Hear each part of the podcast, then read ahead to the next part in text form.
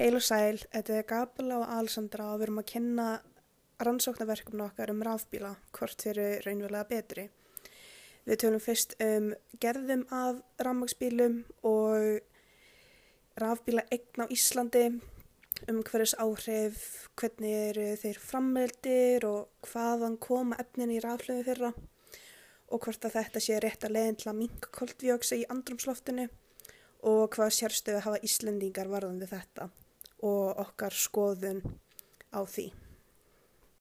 Fyrst og fremst það eru tverr gerðir af rafbílum. Það eru til 100% reynir rafbílar sem eru með batteri og rafmótor í staðan fyrir bílvel og rafgými.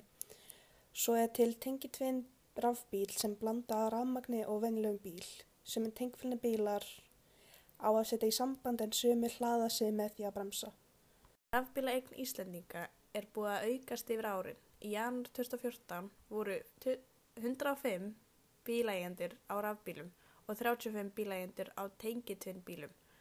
Rafbíla eign hefur hækkað gríðarlega síðan árið 2014 og í mæ 2021 voru rafbílægjendur komnir í 7577 og tengitvinn bílar bílægjendur voru uh, 11740. Rafbíl hefur minni heildar umhverfisári en sambarlegt gasknúi faratæki. Þetta þýðir ekki það sé samt engin ári heldur. Rafbíla brenna ekki eldsniði beint, samkvæmt skilgreiningu, en eftir því hvernig rafmagnir til að knýja þá var búið til gætu þeir samt geta losa eitthvað koldvíóksið. Hér eru líka nokkar bílapartar sem er öðruðsi í rafbílum. Rafhlaðan, hugdagi rafhlaða aukudagi nota til að vísa til allskynns rafhlöðu sem nota til að knýja rafmótula í rafbílum. Þessar rafhlöður eru oft endurhlaðlega litjumjóna einingar sem eru sérstaklega búna til að háa kílovattastundu getu.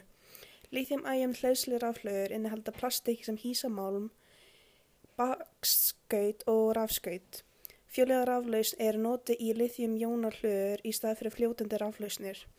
Þessi rafleysi gerði út úr hálföstu geli fjölinu með li mikli liðni. Líþimægin raflöður knýja meir hlutuð að nútíma rafbíla. Ygg lítjums er þá háfjölda annara efna sem fyrir fyrir miklu orku til að vinna þar sem yfir kóbalt, mangan, nikkel eða grafít. Svo batteri hafa mest áhrif á umhver okkar. Bremsur. Á rafbílum er hægt að beita hverskins bremsu en mælt með endurnýjandi hemlakerfi. Þegar aukutæki hægir á sér er endurnýjandi hemlun notu til að nota móturinn sem rafal til að endurlaða raflöðunar. Þessi heml, hemlunatæki koma með hluta orkunar sem að fer til spillis, spillis við hemlum afturinn í rafgeimarkerfi. Hlæðsildæki. Það tekur tvær mismöndi tegundra hlæðsildæki.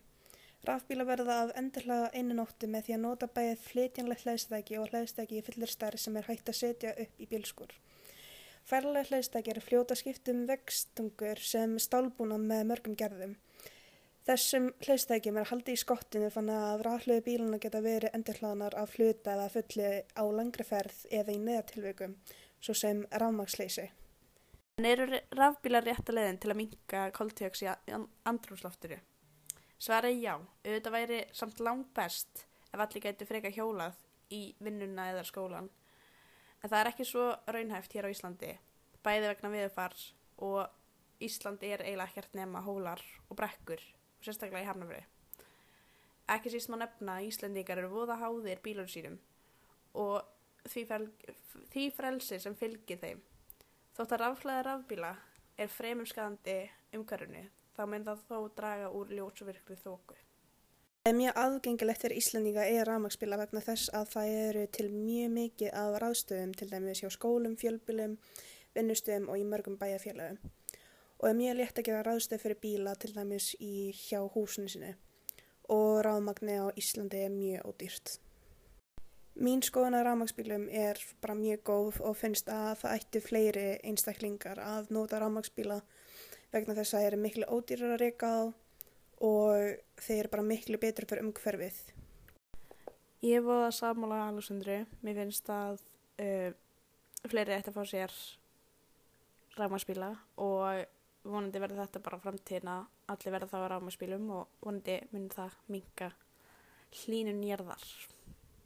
Takk fyrir.